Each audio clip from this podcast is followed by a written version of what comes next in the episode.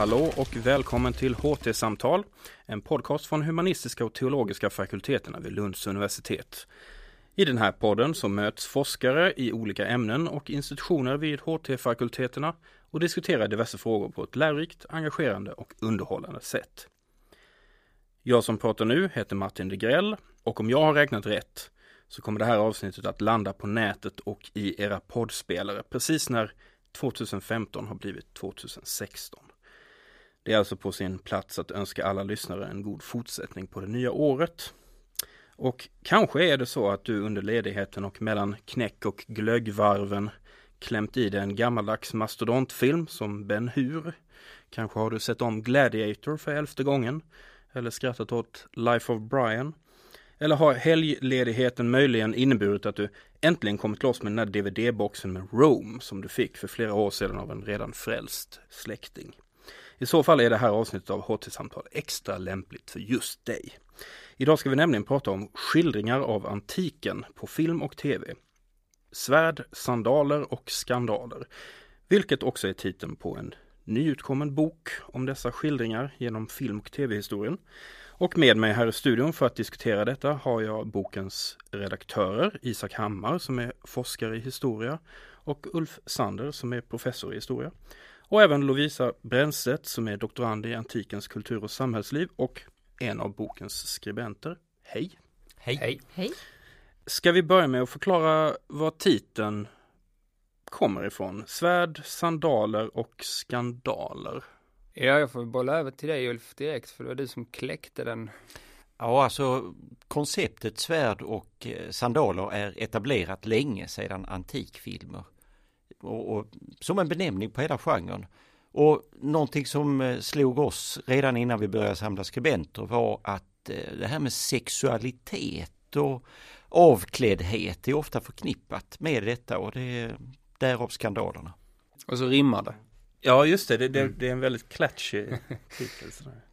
Men nu, hur kom det sig att ni, vad kom idén från att göra just den här boken? Ja, alltså egentligen kan man säga att det var när jag och Ulf undervisade tillsammans på en kurs, eh, en kvällskurs som hette film och historia. Och eh, som Ulf hade gett eh, under en rad terminer och när jag började så eftersom jag skrev mitt eh, avhandlingsämne om antiken eh, om Rom så eh, tyckte jag att det låg bra till pass att eh, ha ett av mina föreläsningspass som handlade just om antikfilm. Så lite där började vi ju diskutera redan eh, möjligheterna till att faktiskt skriva en bok om detta. Jo, men det kan man säga att eh, det här är ett exempel där forskning och undervisning är närbesläktade. Mm. Och intressant nog är det väldigt få av studenterna som genom åren har valt eh, filmer med antiktema när de ändå har ska diskutera det här med historia. Men å andra sidan har det också varit uppenbart att den här typen av filmer och tv-serier har haft en renässans under senare år så att det, det låg i luften. Alltså jag skrev en bok 2006 och där tyckte redaktören att antiken måste du väl ändå ha med som ett särskilt tema men det bröt mot eh, det jag ville ha sagt med den boken men jag har burit på idén sedan dess. Och när eh, Isak hade den inriktningen så föll det sig väl ut. Jag föll sig väl att vi skulle göra något tillsammans. Och sen även eh, så är det ju, det är ju då skribenter med i den här boken från eh, flera olika ämnen också, institutioner. Det var, var det någonting som ni tidigt har, alltså var det en del av idén från början eller? För det är ju både, ja. vi ska säga att det är både filmvetare och Ja men Lovisa du är ju från arkeologiska institutionen. Religionsvetare ja. har vi också. Litteraturvetare. Litteraturvetare. Alltså det kan man väl, dels får man säga att det är en av de roligaste faserna på något sätt när man sitter och, och brainstormar om vem som kan vara intresserad. Men det är också sådär, eh, alltså när jag har mött folk inom eh, Lovisas ämne och, och, så har man ofta märkt att folk är rätt intresserade av hur deras eh, epok då antiken har gestaltats på film, det stämmer eller Absolut. Hur? Och alla har liksom sin ingång sådär att oh, jag tänkte jag skulle skriva om det där och jag tänkte skriva om det där. Så jag hade redan och Ulf hade också redan några, man hade några givna namn och, och jag visste att eh, jag, ehm, Lovisa hade ju redan pratat i fikarummet eh, vid ett flertal tillfällen om hur Livia då gestaltades till exempel eller mm. vilka filmer som är bra och dåliga. Så, så att eh, man hade liksom redan ett stall av folk som man visste. Och så visste vi att Dick Harrison till exempel, att han var eh, filmintresserad och antikfilmsintresserad. Så att, eh, jag tror många av oss tyckte det var väldigt roligt att bli tillfrågade just för att man arbetar med sitt ämne från kanske då ett historiskt håll. Och då är det ju extra roligt att få ge sig på de här filmerna och tv-serierna som man ser på sin fritid men kanske inte ryms inom ens vardagsforskning då från ett historiskt håll. Så att det här, min artikel består ju mycket av saker jag har gått och tänkt på och tänkt att jag skulle vilja göra någonting med men det där som var lite för roligt för att ta med avhandlingen fick bli en artikel plötsligt. Så det är faktiskt extra roligt. Ja, det är väl också så att just um de allra flesta av oss har ju någon relation till alltså film och tv-mediet alltså i, i någon mån och kan man då applicera det till sitt specifika ämne så ja, då är du redan hemma på något sätt. Då. Alltså mm. till exempel då att du skriver om, om Livia och vi ska återkomma till henne om ett litet tag. Men jag, jag, någonting som jag, som jag tänkte på som ni också skriver i inledningen det är det här med eh, relationen mellan eh, historia, alltså ämnet historia och historieskrivningar och skildringar alltså på film och, och tv. Och den känns som att den är lite komplicerad eller lite problematisk. Jag tänker på att när det kommer liksom en, en eh, något eh, historiskt epos på film eller så, så tenderar man, jag tror ni nämnde det också i, i boken, att det händer nästan alltid att liksom tidningar drar fram någon, någon historiker ur något skåp som ska påpeka att minst, de hade minsann inte alls de där sandalerna på den tiden. Och, mm. Alltså de påpekar sådana här oerhört eh, mini detaljgrejer. Så vad kan ni säga om det, alltså den, den relationen? Alltså jag har emellanåt tänkt att eh, det har blivit bättre och det har det också. Och med bättre menar jag att det har blivit en större förståelse för att när man gestaltar historia i ett annat medium så gör man det på ett annat sätt än när man skriver en avhandling. Men samtidigt så näst senaste historikermötet där var en, en backlash för att vi har haft en prestation vid fyra, fem olika tillfällen där vi har pratat om film, historia, tv, vad är nytt och vad är på gång. Och då var det väldigt många av historikerna som gick till hårt angrepp några tyckte ju att eh, eftersom det här är ett roligt material så kan man inte använda det. För är det roligt kan man inte analysera. Och nästa problem var ju att det fanns alltid tendenser med den här typen av historieförmedling. Och detta blev sagt av en man som har hållit på med parlamentariska utredningar om rasbiologi. Och så vitt jag vet så finns det lite tendenser i dem också. Men eh, det, där är många vad ska man säga, hinder och jag tror många av hindren har att göra med att det bryter mot en stark eh, tendens som har funnits inom historievetenskapen och dess systerdiscipliner. Alltså det här med sanningsanspråk och källkritik, det är jätteviktigt och det kan man inte riktigt applicera på den här typen av produkter. Inte på det sättet rakt av för att det blir meningslöst att hitta 114 fel i Gladiator. För mm. vad gör vi med den informationen? Mm. Nej men de, de syftade till någonting annat som har att göra med dramaturgi.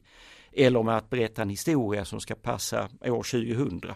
Är det, är det, en, är det någon form av eh, att man blandar ihop eh, sina områden så att säga? Alltså att filmmediet är inte primärt för den typen av, så att säga, inom citationstecken korrekt historieåtergivning eller? Alltså vi brukar väl se det så, det var ju också något som vi försökte inskärpa när man har ut, haft undervisning i det, för då studenterna kan också komma med den typen av liksom, föreställningar eller förväntningar på att kursen ska dissekera fel eller så. Va?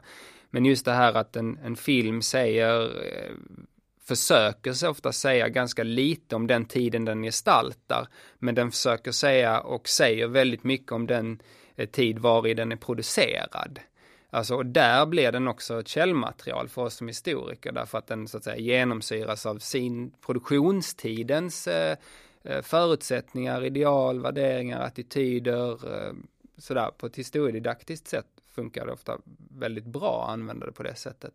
Medan eh, alltså att eh, få, få ut eh, historisk kunskap eh, ur eh, en antikfilm om antiken varken borde vara egentligen publiken eller eh, filmskaparnas eh, så att säga huvudfokus.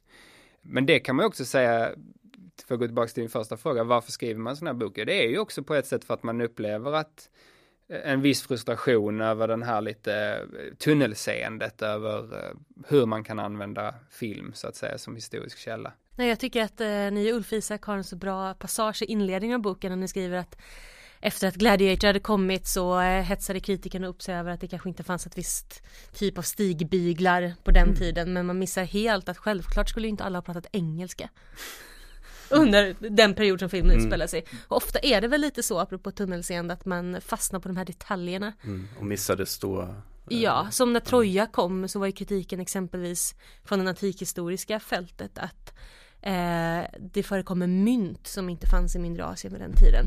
Däremot så var ju ingen inne på att Brad Pitt är ju supermacho hela filmen. Mm. Och gråter ju inte en enda sekund medan Achilles gråter sig genom Iliaden. Så att vi är ju på något sätt, är det ju inte där kritiken ligger heller, alltså Nej. hur vi ser på normer idag, normer i antiken, utan man fastnar lätt i de här stilbilarna. Precis, och där hamnar man ju också väldigt spännande i det här med alltså frågor om förlagor och, och genre och så, därför att i Iliaden så är gudarna med hela tiden, yeah. men det är inte historiskt trovärdigt, alltså så då blir det, tar man bort dem och försöker göra en historiefilm.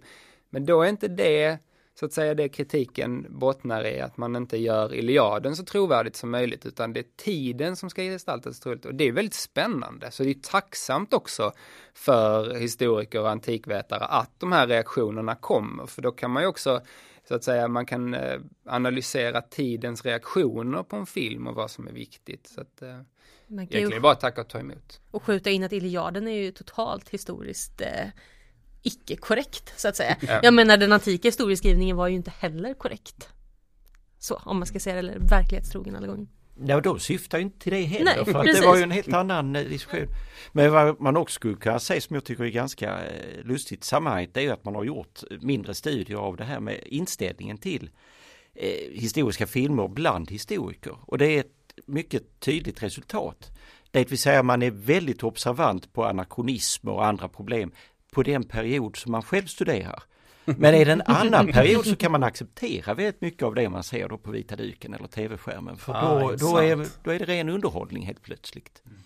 Så att man har problem att se metaperspektivet. Det är det som är det genomgående draget. Men ni, ni pratar om eh, poetiska kontra historiska sanningar i, i, i det här sammanhanget. Just det. Där det är liksom, det kanske, det kanske inte de här eh, minutiösa detaljerna man ska stirra sig blind på utan man kanske se den, the bigger picture så att säga. Sen kan man ju tillägga där att filmåkarna gör ju sitt till i och för sig för att vi ska lägga märke till de här historiska detaljerna, för de lägger ju enorma belopp på att det ska vara trovärdigt. Så att, vad ska man säga, själva kulissen kan man ju lägga väldigt mycket resurser på och den är i ögonfallande. Men man måste, när man tittar på det här som forskning, gå bakom den där kulissen och se vad är det de säger, vad är det de gör bortom om, om det här om de har trovärdiga eller inte trovärdiga kostymer eller svärd eller vad det nu är. Men den här produktionsmässiga ambitionen då som ju är väldigt eh, påfallande i många av de senaste decenniernas filmer i alla fall. Det öppnar ju samtidigt upp då för den typen av detaljkritik. Alltså om, om de har nu lagt ner hur mycket tid och pengar som helst på att göra de här pilbågarna korrekta eller vad det nu kan vara. Och ändå då missar någonting, då, då kan man ju ge sig den på att eh, IMDB bara kryllar över på så här, triviga faktafel, faktafel, faktafel. Men hur som helst så är ju eh, antiken är ju ett väldigt seglivat ämne för Hollywood och, och filmvärlden i stort. Eh, film om antiken har funnits med sedan filmens födelse från Eh, George Méliès eh, gjorde en film om Kleopatra 1899 och så hade vi stumfilms extravaganser som italienska Cabiria. Eh, 50-talens mastodontepos naturligtvis. Och till förra årets äventyrsaction Hercules med Dwayne The Rock Johnson som den grekiska ärkehjälten.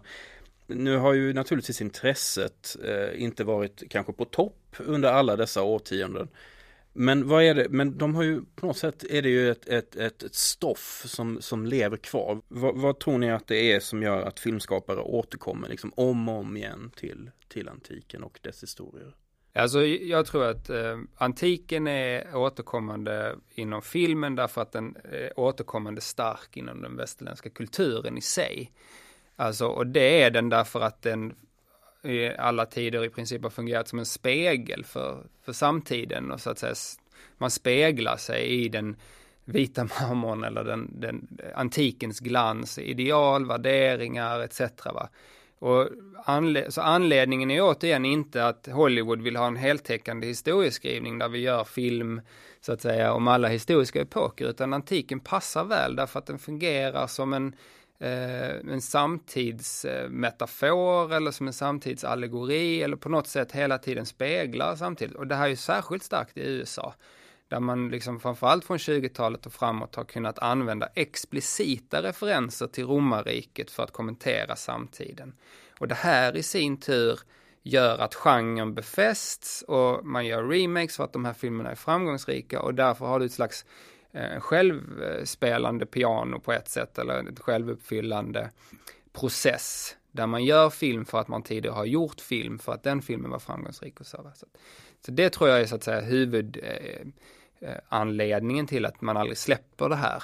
Och i förlängning av det du säger ligger ju också det här med att man visar genom antiken människan när den är som bäst men också i sitt djupaste förfall.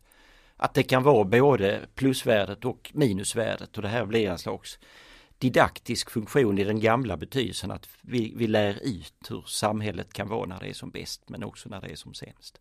Det blir som någon sorts provkarta över mänsklighetens egenskaper och förfall och dygder och och intressant nog så väljer man ju noggrant också. Vi försöker göra en del poänger i inledningen att det är ju inte hela antiken man för det mesta Nej. är intresserad av utan det är vissa skeden som ständigt återkommer och vissa gestalter som också ständigt återkommer. Och det är säkert också att de kan uppfylla den bild som Isak pratar om som vi gärna vill se. Men ibland också då det där dekadenta som vi kanske inte vill se men som det, det kittlar ändå. Det, det är något rafflande där med Kleopatras eh, extravaganta vanor.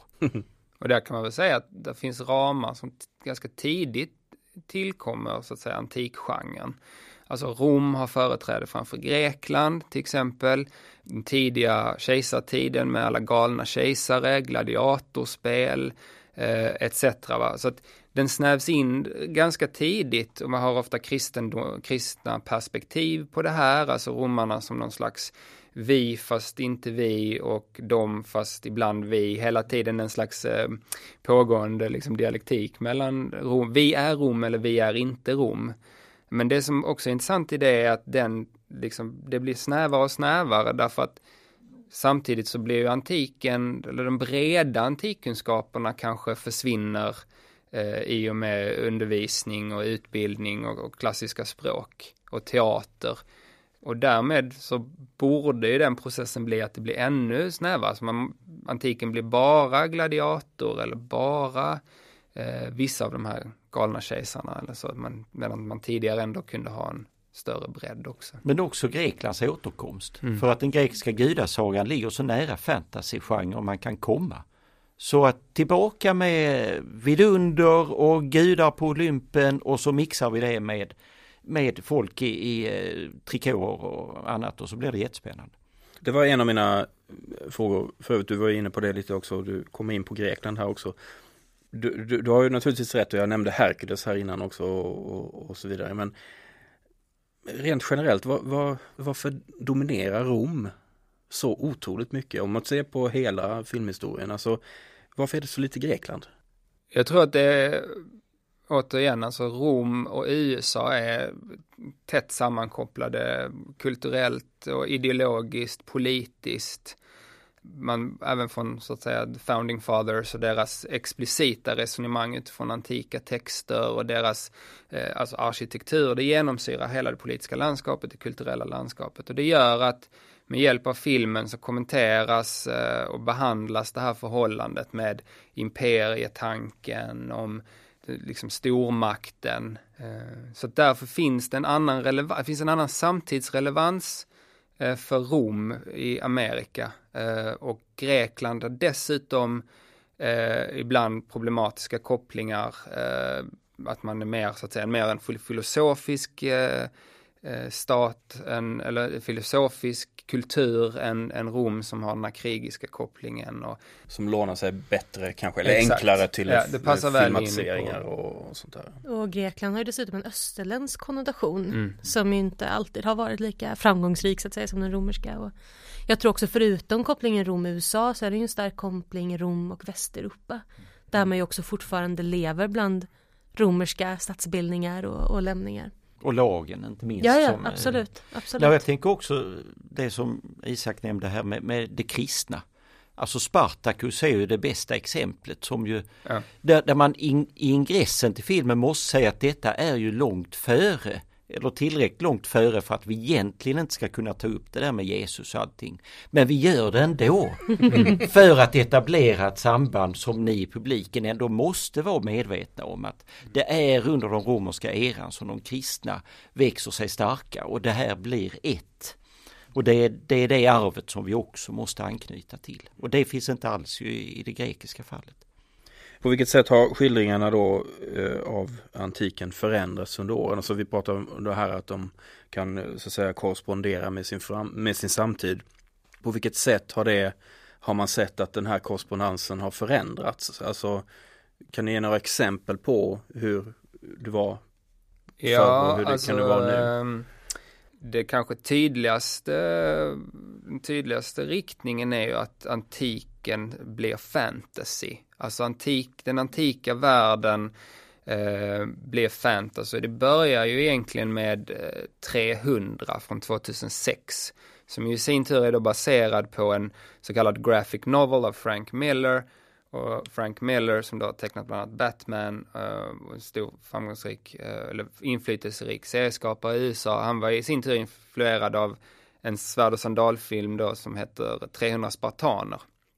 Så det är liksom cirkeln på något sätt sluten. Och så när man gör film på den då härmar man det här estetiska bilderna eh, liksom till egentligen eh, identiskt då med en ny möjlighet med ny teknik och skapar liksom en helt annan distans en estetisk distans som påminner mer om, om tv-spel och den har i sin tur då eh, färgat av sig på tv-mediet i med de här Spartacus tv-serierna. Och eh, det ser man ju, uppföljaren 300 hade ännu mer av de här liksom fantasydragen och liksom överdrivenhet och där man nästan inte förväntar sig att publiken ska förknippa det här med nödvändigtvis en historisk epok utan med en, en fantasyvärld som Game of Thrones eller, eller någonting annat. Så det tycker jag väl är den tydligare, tydligaste skillnaden från och sen kan man ju också säga att det finns något intressant för att det finns likheter och skillnader på en och samma gång. För det är ju precis som vi har pratat om här nyss att mycket sätts, alltså många regler sätts in i det här sammanhanget väldigt tidigt. Men samtidigt så kan man då fylla med olika innehåll och där är ju 300-filmerna ett bra exempel som Maria Gagnesjö skriver ett kapitel om att när man tittar på versionen från tidigt 60-tal ja då är greker och spartaner, de är kompisar för det är egentligen USA och Storbritannien som går emot perserna, det vill säga Sovjetunionen och kommunismen. Medan när man kommer till den nya versionen, ja då är det ju spartanerna som är fräsiga och de är amerikaner medan alla andra är ju egentligen motvilliga allierade. Och det är ju då i kriget mot terrorismen. Och där perserna väldigt tydligt får fylla den funktionen. Och det är ju typiskt som, och det gäller många andra genrer också med historiska inslag, att de speglar storpolitiken. Det är ett sätt för dem att få aktualitet. Eh, och vad har ni själva för eh, favoritfilmer eller tv-produktioner om, om antiken? Vad får ni mest eh, nöje av att se? Har ni några så på rak arm? Alltså Rome är svårslaget. Det tycker jag. Det är, um, det är otroligt bra. Ja, jag måste hålla med Isak. Det är fantastiskt. Och också, apropå det vi pratade om alldeles nyss, vad man kan se i antikfilm och tv-serier idag är ju den smutsiga antiken. Alltså så den smutsiga staden som är fylld av graffiti och olika färger och dofter och människor från alla olika etniciteter och olika språk som blandas. Och där tycker jag att Rome har gjort det snyggt och något, nog blivit stilbildande för filmer som har kommit sedan dess. Så de vita kulisserna är ju borta från antikfilmen idag kan man ju säga. Jag skulle ju också vilja slå ett slag för några av de här 50-talsrullarna. Och, Ja. Alltså Mm. både Spartacus och Ben Hur eh, kan jag se eh, ibland med valda delar för att som Ben Hur eh, får sina longörer. Men, men jag tycker fortfarande, och det gäller även stumfilmsversionen från 20-talet, alltså den här kapplöpningen, gjord utan någon form av moderna hjälpmedel utan här gör vi det på, på riktigt. De är eh, fantastiska. Och det gäller många av scenerna i Spartacus som ju har en eh, oerhört fascinerande tillkomsthistoria. Med, jag tror det är över 300 manusändringar eftersom ideologierna kom att stå emot varandra eftersom här fanns kommunistiska influenser väldigt tidigt. Men så ska vi då göra en film som tar avstånd från världskommunismen och allt detta kan man se i denna kompromissvariant. Men det är en väldigt spännande kompromiss. För att vara en kompromiss så är den ju synnerligen komplex, Ja, verkligen. eller hur? Ben Hur ska ju faktiskt, måste jag skjuta in nu, komma som arenashow. Wow. Så man kan gå och se kapplöpningarna live i en arena. Vilket är fantastiskt också hur vi får den antika tävlingsformen till oss idag. Inte alls som antik tävlingsform utan som ett nyskapande av en film. Tyvärr så var Ma- Malmö Arena inte stor nog annars skulle den ha kommit hit. Jag märker här att ingen av er tar upp tv-programmet Gladiatorerna. Eh, Men om vi vänder på det då, är det något man bör undvika? Något som, som eh, det där håller inte eller det där Cleopatra med Elizabeth Taylor och Richard Burton. alltså det är på många sätt en fantastisk film men den är också mördande lång och tråkig. Extra materialet fantastiskt. Dock, men, dock eh, filmhistoriskt intressant ju eftersom den på något sätt blir någon sorts symbol för eh, gamla Hollywoods totala kollaps under sig själv. va? Precis. Men den är också intressant för det är en film som alla på något sätt tror att de har sett för den är så ikonisk. Men hur många har sett den i sin helhet egentligen? Det var rätt nyligen jag faktiskt såg den i, i alla sina många långa minuter. Men jag har ju alltid haft den levande ändå innan dess. Vill du ha fler varnande exempel? Ja, du sa ett, men har ni något? Ja, alltså den här eh, senaste Pompeji Ja. var vi ju såg lite som sån här uppstarts... Eh, eh, Får peppa er. ja, lite så. Den, eh, den har jag inte någon brinnande lust att se om i alla fall. Det gäller de här Hercules-filmerna Ja. också. Det höll, de höll inte måttet. Uppföljaren till Clash of the Titans. Ja, just det. Ja, just det. Ja, Raw of Precis. Alltså den första Clash of the Titans från 82 är också eh, horribel. Annars har ju den senaste Clash of the Titans, Titans världens bästa undertitel. Titans will clash. Där tog fantasin slut. Eh, Lovisa, ditt, eh, ditt kapitel i boken handlar ju om eh, Livia Drusilla, Roms första kejsarinna och om hur hon framställs på film och tv. Och du skriver också din avhandling om Livia, inte sant? Kan du berätta lite om henne och hur, eh, vad är, vad är det med Livia som är så fascinerande? Eh, Livia var ju då gift med kejsar Augustus. Därav att hon var Roms första kejsarinna. Och blir 86 år gammal så att hon är ju med genom den romerska historien. Eh, som ju förändras verkligen när det går från republik till kejsardöme. När Livia föddes eh, 58 f.Kr. så var det nog få som kunde tro att en kvinna kunde bli gudaförklarad 100 år senare. Livia blev ju då på 100-årsdagen av sin födelse. Och Livia är ju fascinerande för att hon är på ett sätt väldigt närvarande i vårt historiska medvetande och på ett sätt faktiskt inte alls om man jämför då med Kleopatra. Det finns väldigt få eh, biografier om Livia skrivna. Jag tror att det kommer sådär 500 om Kleopatra per år. Och de är ju samtida med varandra. Ja, Livia blev ju betydligt äldre, eh, men ändå. Och jag valde ju att skriva antologin då om Livia i Aiklodius för det är ju nog där hon är absolut mest känd. Eh, när folk frågar vad jag arbetar med, säger Livia, så är det ju den referensen som kommer till de allra flesta. Vilket ju på ett sätt är tacksamt, för man behöver ju inte introducera sitt ämne. Eh, kanske på djupet, även om man ibland behöver kanske rädda Livias image, när folk bara sett Iclaudius. Och Livia är ju Iclaudius. Även om hon faktiskt bara är med hälften av avsnitten så är det ju verkligen henne man hela tiden tänker på. Och det är ju spännande för att det har ju satt standarden till hur romerska kvinnor nära maktens män skildras. Mm, det tänkte jag fråga om just hur, hur den framställningen har påverkat eh, eller influerat andra fram, eh, senare framställningar. Livia är ju med i, bara i slutet av Rome eh, eftersom den så att säga börjar innan Livia kom in på den politiska scenen. Men Octavianus mor, Atia, är ju en Livia så att säga. Hon följer ju mallen som, som etablerades i I Claudius. Men det som är spännande är ju att det här spiller över även i forskningen. Det finns absolut en förväntan på att det är så här man närmar sig de romerska kejsarinnorna. I den första biografin om Livia som kom 2002, vilket är sent i sig, så ursäktar sig författaren i förordet säger jag kommer tyvärr inte kunna svara på frågan om Livia hade ihjäl sina unga släktingar eller inte. Och även om vi vet ju absolut att Rom är en extremt offentlig politisk kultur. Men så fort det skrivs om kvinnor så måste det alltid ha undertiteln off the stage, behind the scenes, in the curtains och så vidare. Så det är alltid de här intrigerna som ju etablerar sig i Claudius som följer med. Eh, och det är ju intressant också för att som jag skriver i artikeln så berodde det ju stor del på att I Claudius spelas in med en liten budget. Så hela serien är ju inspelad i princip i en kuliss. Vilket ju får till följd att politik är någonting som drivs inifrån familjen, inifrån vardagsrummet till och med. Där Augustus spelar brädspelet Empire med sina döttersöner. Och det har vi med oss i Rome som är en extremt påkostad sett till kulisser och med många storslagna utomhusscener. Men det är ju fortfarande i Atias hem där Marcus Antonius kommer, dit Caesar kommer, mm. dit Octavianus kommer och det är ju där som de riktiga besluten fattas. Så, men så Livia, om vi ska säga Livia-figuren då, mm. Eh, den kanske inte alltid återkommer då i personifierad i, av Livia men, men figuren som sådan som eh, arketyp eller man ska säga.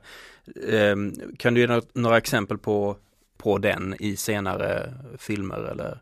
Jag tycker faktiskt att Atia är det bästa exemplet. Mm. Hon har nästan identiska repliker med Livia, att det är hon som skulle ha styrt om hon inte hade fötts som en kvinna till exempel, vilket är hela andemeningen med Livia-gestalten i I Claudius.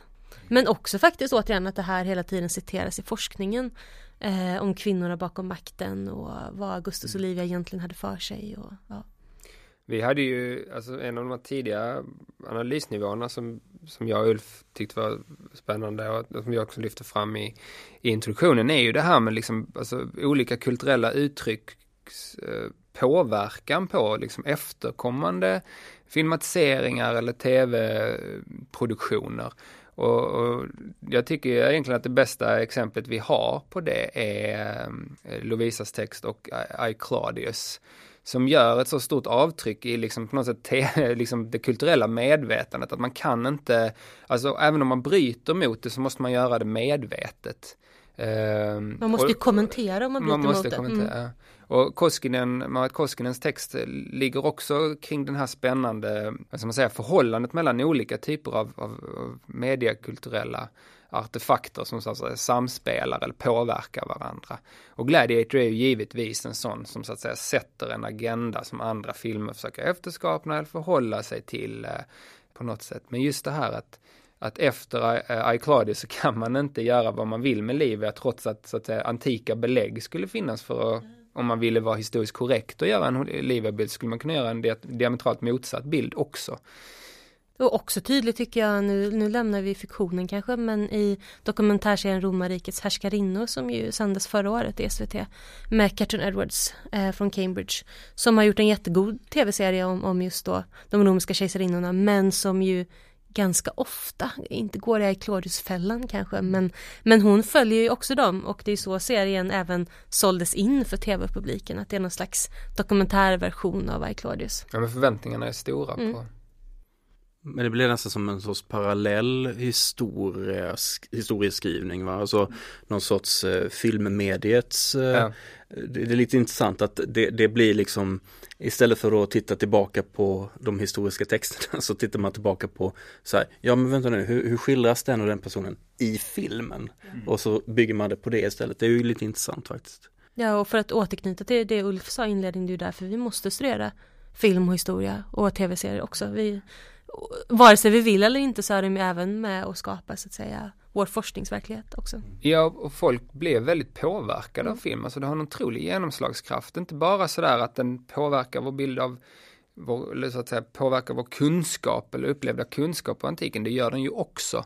Men också det rent politiska eller liksom identitetsskapande. Vi har ju ett väldigt bra exempel det här med Alexander, Oliver Stones eh, tyvärr ganska misslyckade men, men ambitiösa projekt från 2003 som där på helt då så att säga korrekta källor, baserade på källor och, och forskning visar upp en så att säga en, en bisexuell Alexander med en, en liksom en eh, kärleksrelation med Hephaiston. Som inte, eh, det är bara liksom slå upp källorna så hittar man den så att säga. Men där då det här föranledde ett gäng advokater att stämma filmen för bilden man visar upp av Alexander då som nationalhelgon eller så va. Eh, så det här liksom samspelet mellan film och samhälle är otroligt stark och film och identitet och film och nationalitet och det är någonting man måste studera. Man måste ha klart för sig hur det här så att säga påverkar oss och försöka hitta de här kopplingarna. Och genusmönster skulle ja. man ju kunna säga där också för Alexander-filmen är mycket tydlig med att när det gäller den här homosexuella förbindelsen så antyds den genomgående. Medan hans heterosexuella relation, där är det mycket tydligt en manlig regissörs blick för att nu ska vi se mycket av den här kvinnan som han då eh, erövrar skulle man säga på ett väldigt eh, gammaldags sätt. Men vi kan inte visa den där andra varianten och ändå så sagt så blir man i Grekland oerhört upprörd. Mm. Och den eh, antyddes ju framförallt med frikostiga mängder kajal på Alexander. Mm. Så den, den, var ju inte uttalad på det sättet. Och långa kramar var det. Och så mm. ögonkast ja. över rummet. Mm. Eh, vi, vi, nämnde eh, I Claudius tidigare och eh, eh, det finns ju antikskildringar med lite olika status. Alltså I Claudius är väl någon sorts verkligen highbrow. Men Isak, du har ju intresserat dig för en italiensk filmgenre som man skulle kunna säga hamnar på den andra änden av, av spektrat och, och den som även i viss mån ger eh, titeln till boken, nämligen alltså Sword and Sandals, Svärd och sandaler filmen som också, vad är den kallas mer, Peplum-filmen. Ja. Vad kan du berätta om den? Ja, det är alltså en genre som, som uppstår ganska eh, hastigt och lustigt 57 med en filmatisering av just Hercules. Eh, I Italien och eh, men med en, en amerikansk eh, bodybuildare som hette Steve Reeves som hade vunnit Mr Universum och Mr World och var sådär. Så han plockades in för att spela det här muskelberget och eh, blev en otrolig eh, framgång både i Italien men också då internationellt. Och det här gjorde ju då att en helt ny så att säga genre som så att säga red på den eh, Hollywoods produktioner etablerade. Så man brukar väl, man kan räkna lite olika tror jag, men eh, ibland säger man att ungefär 300 sådana här peplumfilmer eller svärd och sandalfilmer producerades fram till 65.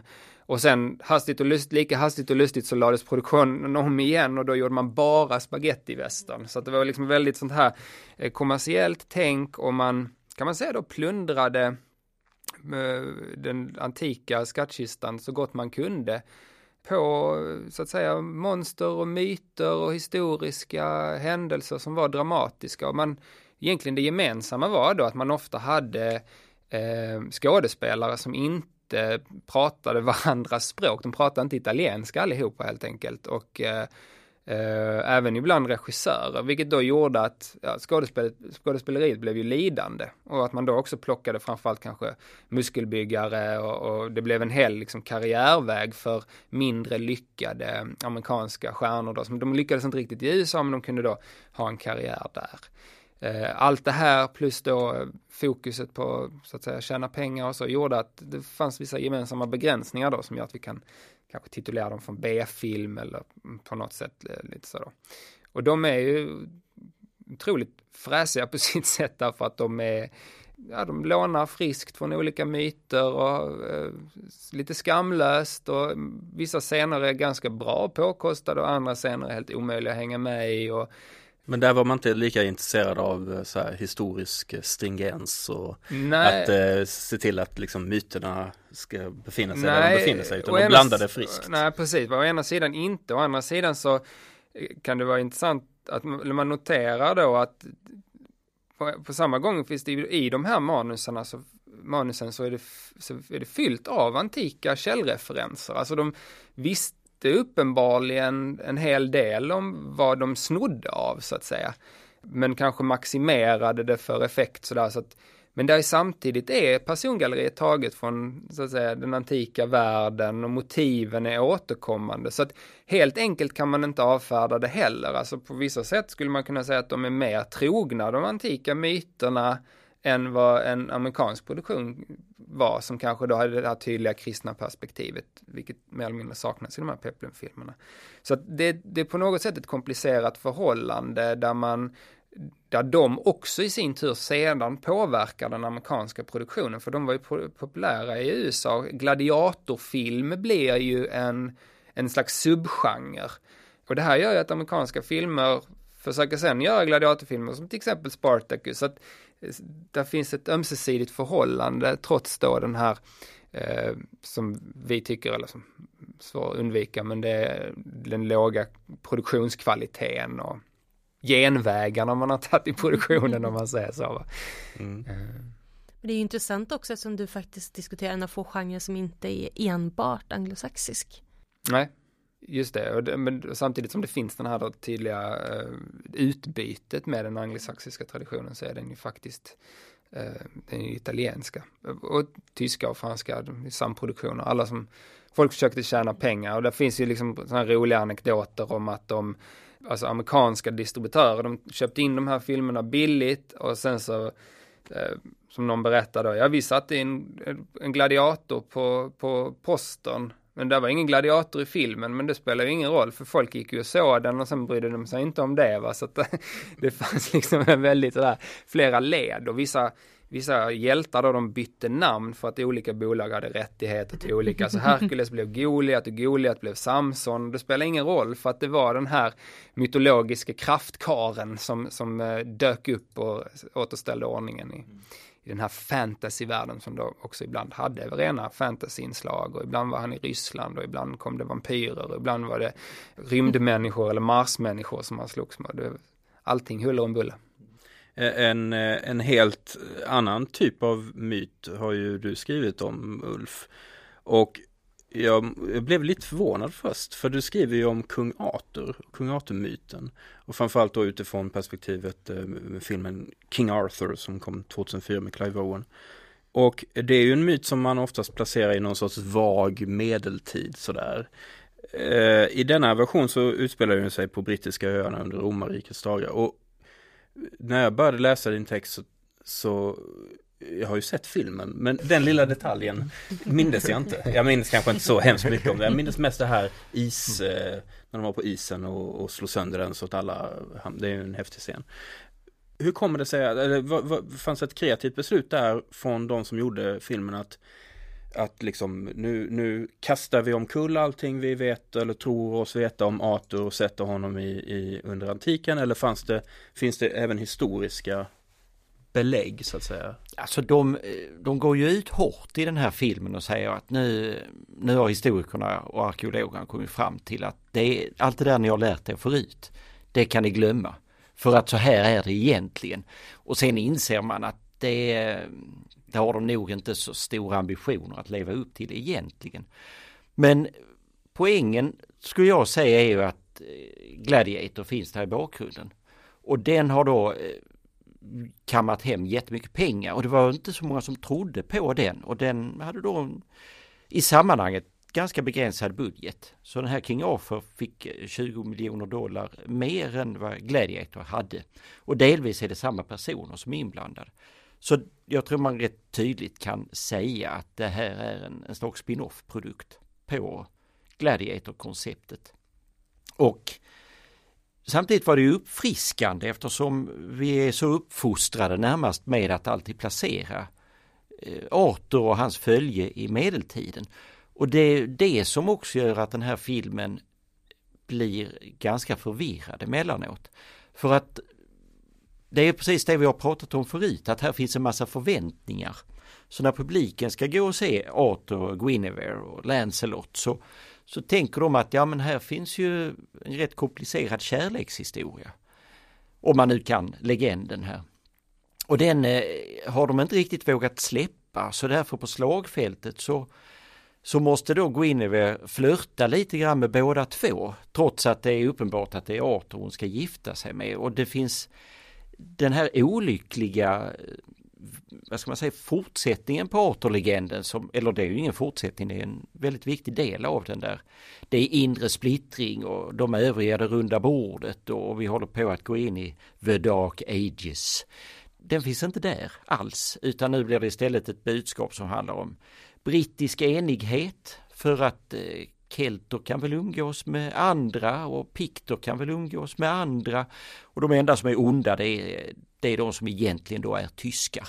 Och det är ju en gammal bekant stereotyp här i den anglosaxiska världen. Och Stellan Skarsgård gör sitt bästa för att uppfylla sin roll där och det gör han med den äran. Så att, men det, de blandar gammalt och nytt. Och vad jag nästan är mest förvånad över det var att filmen ändå gick så pass bra som den gjorde för att den har väldigt tydliga strukturella problem och det var också någonting som många kritiker ganska snabbt var inne på och sa att men här har ni, ni har problem att få ihop det här men publiken gick ändå i stor utsträckning.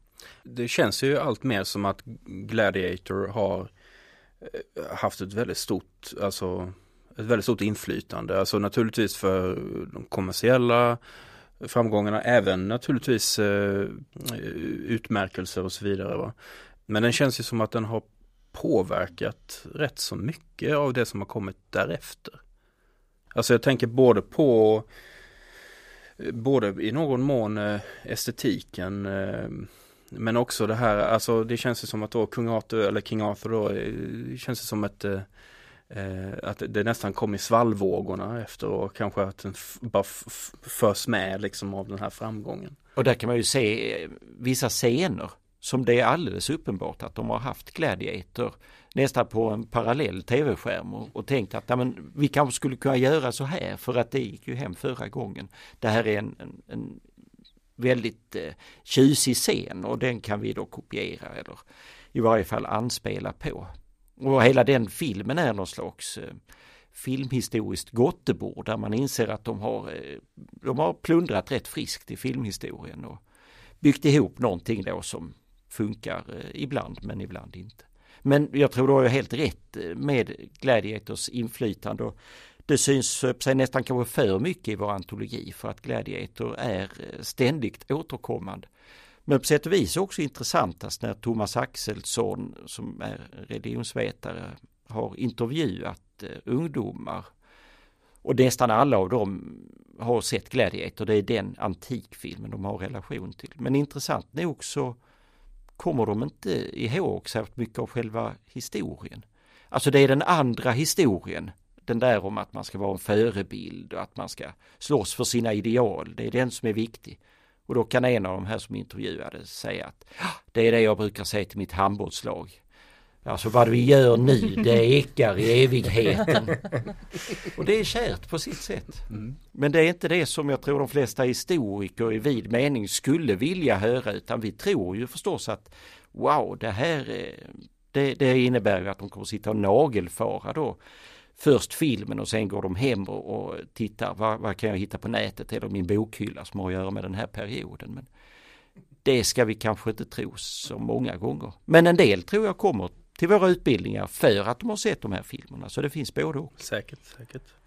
Vi ska avrunda här snart men jag tänkte fråga om om nu då lyssnarna, eh, om vi jämför då med de som har sett Gladiator och blir väldigt uppfyllda av, av det här samtalet och eh, känner att nu vill de gå hem och, leta vidare i bokhyllorna eller, eh, eller på nätet eller var man nu kan hamna.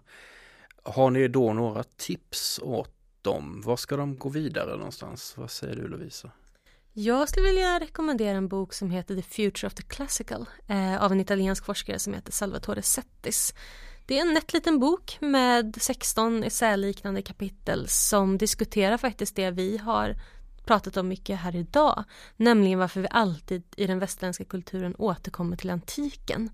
Vad är det med antiken som gör den så omotståndlig för oss att hela tiden referera till? Och återigen paradoxen att vi lär oss mindre och mindre om antiken i skolan, de klassiska språken får allt mer begränsad undervisning och samtidigt så gör vi kulturella referenser till antiken som aldrig någonsin förr.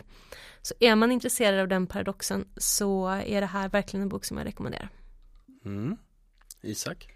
Ja, alltså jag tänker att man eh, nästa gång man ser någonting som har med antiken att göra så att man ska eh, Eh, om man är intresserad av det här och intresserad av vår bok och de perspektiven, att man funderar liksom över just som Lovisa är inne också, samtidskopplingen. Och jag tror att det som är intressant med antikfilmen där är ju att den är verkligen inte neutral, utan den bär på eh, otroligt mycket förväntningar, värderingar och en eh, ständigt eh, samtidsrelevant på något sätt. Och eh, därför tänker jag att det spelar inte så stor roll om man tittar på Dwayne The Rock Johnson eller på Rome eller eller Pompeji eller någon av de här uttrycken. Men att när man gör det, att man funderar över hur speglar det här vår egen tid så att säga.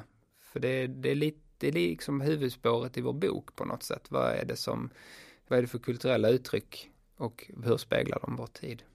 Mm. Alltså jag skulle också säga eh, i linje med vad både Lovisa och Isak har sagt att en eh, ambitiös utgåva av eh, Gladiator eller Rome med extra materialet som särskild källa för detta är jättespännande. Att höra Ridley Scott resonera kring varför han behöll vissa scener eller varför andra försvann är, kan vara oerhört upplysande liksom hur producenterna sålde in det här, det tycker jag är så fascinerande för att de har då sin så kallade pitch och då kommer de till Ridley Scott och de vet att han är en väldigt upptagen regissör. Så de har förberett sig till tänderna. Och de har den här hämnarfilmen, för det är det ju i mångt och mycket. Och de märker rätt snabbt att Ridley Scott lyssnar inte riktigt på dem. För vad de också har med sig är en italiensk historiemålning om en scen från en gladiatorarena. Och det, när han har lyssnat på dem i 20-25 minuter så, eller inte lyssnat på dem kanske snarare, så säger, tittar han på den här målningen, reproduktionen och säger I can do that. Och där kan man också inse att han, han har tänkt på två sätt här. Att han har tänkt visst vi har en antik miljö här men vi har också ett drama som handlar om en man och hans kamp för att få upprättelse. Och det är inget ovanligt tema, men jag skulle kunna göra någonting med det i antik miljö som vi inte har sett på länge. Och det tror jag kan vara väldigt upplysande att se hur de här film, filmerna tillkommer inte i någon, något vakuum eller av en slump utan det är noga övervägt ofta. Inte alltid som, det är inte bara Isaks Peplum-filmer som kan bära syn för sägen där men eh, att, att se hur det går till i den film, i filmverkstan för det är nog inte alla skribenter skulle jag säga som skriver om film och historia som alltid har kläm på det. Men det kan man få genom att titta på den typen av material. Ytterligare ett tips som jag skulle vilja lägga till är att om man är intresserad av de här äldre filmerna också, alltså eh, stumfilmerna och du nämnde Kabiria och så, alltså, många av dem finns antingen i väsentliga delar eller till sin helhet på till exempel YouTube eller eh, man kan enkelt googla upp dem och få dem, eh, så att titta på dem, rättigheterna är fria så att säga. Så att eh, det kan också vara värt om man vill, en del av de här filmerna vi nämner är kanske inte så lätt att få tag på i videouthyraren så att säga. Men, men, finns alltså tillgängliga på nätet så det kan vara ett tips om man är intresserad. Och med dessa ord så avrundar vi dagens avsnitt av HT-samtal. Vill du veta mer om den forskning som pågår på humanistiska och teologiska fakulteterna då går det alldeles utmärkt att besöka oss på ht.lu.se. Där kan du också läsa mer om det här avsnittet och hitta länkar till allt möjligt. Vi finns såklart också på Facebook. Där heter vi Humaniora och teologi vid Lunds universitet. Och om du vill tycka till om programmet, du kanske har några försenade julklappar som du vill skicka till mig, då kan du skriva till mig på martin.grell kansliht.lu.se Tack så mycket för att ni vill komma hit. Lovisa Brännstedt, Isak Hammar, Ulf Sander. Boken heter alltså Svärd, sandaler och skandaler, är utgiven av studentlitteratur. Som vanligt så spelar vi in den här podden i Humanistlaboratoriets larmstudio på Lux. Och vad står då larm för? Jo, det står för ljud, animering, rörlig bild och musik. Peter Roslund har varit tekniker som vanligt. Vår signaturmelodi görs av Graham Bowl. Och så här sist i programmet så brukar jag säga vi hörs snart igen men det här är ju faktiskt det sista avsnittet av denna första premiärsäsong av HT-samtal. Men ni kan pusta ut för en fortsättning är faktiskt planerad. Nya spännande och underhållande samtal kommer inom kort. Men eh, hej så länge!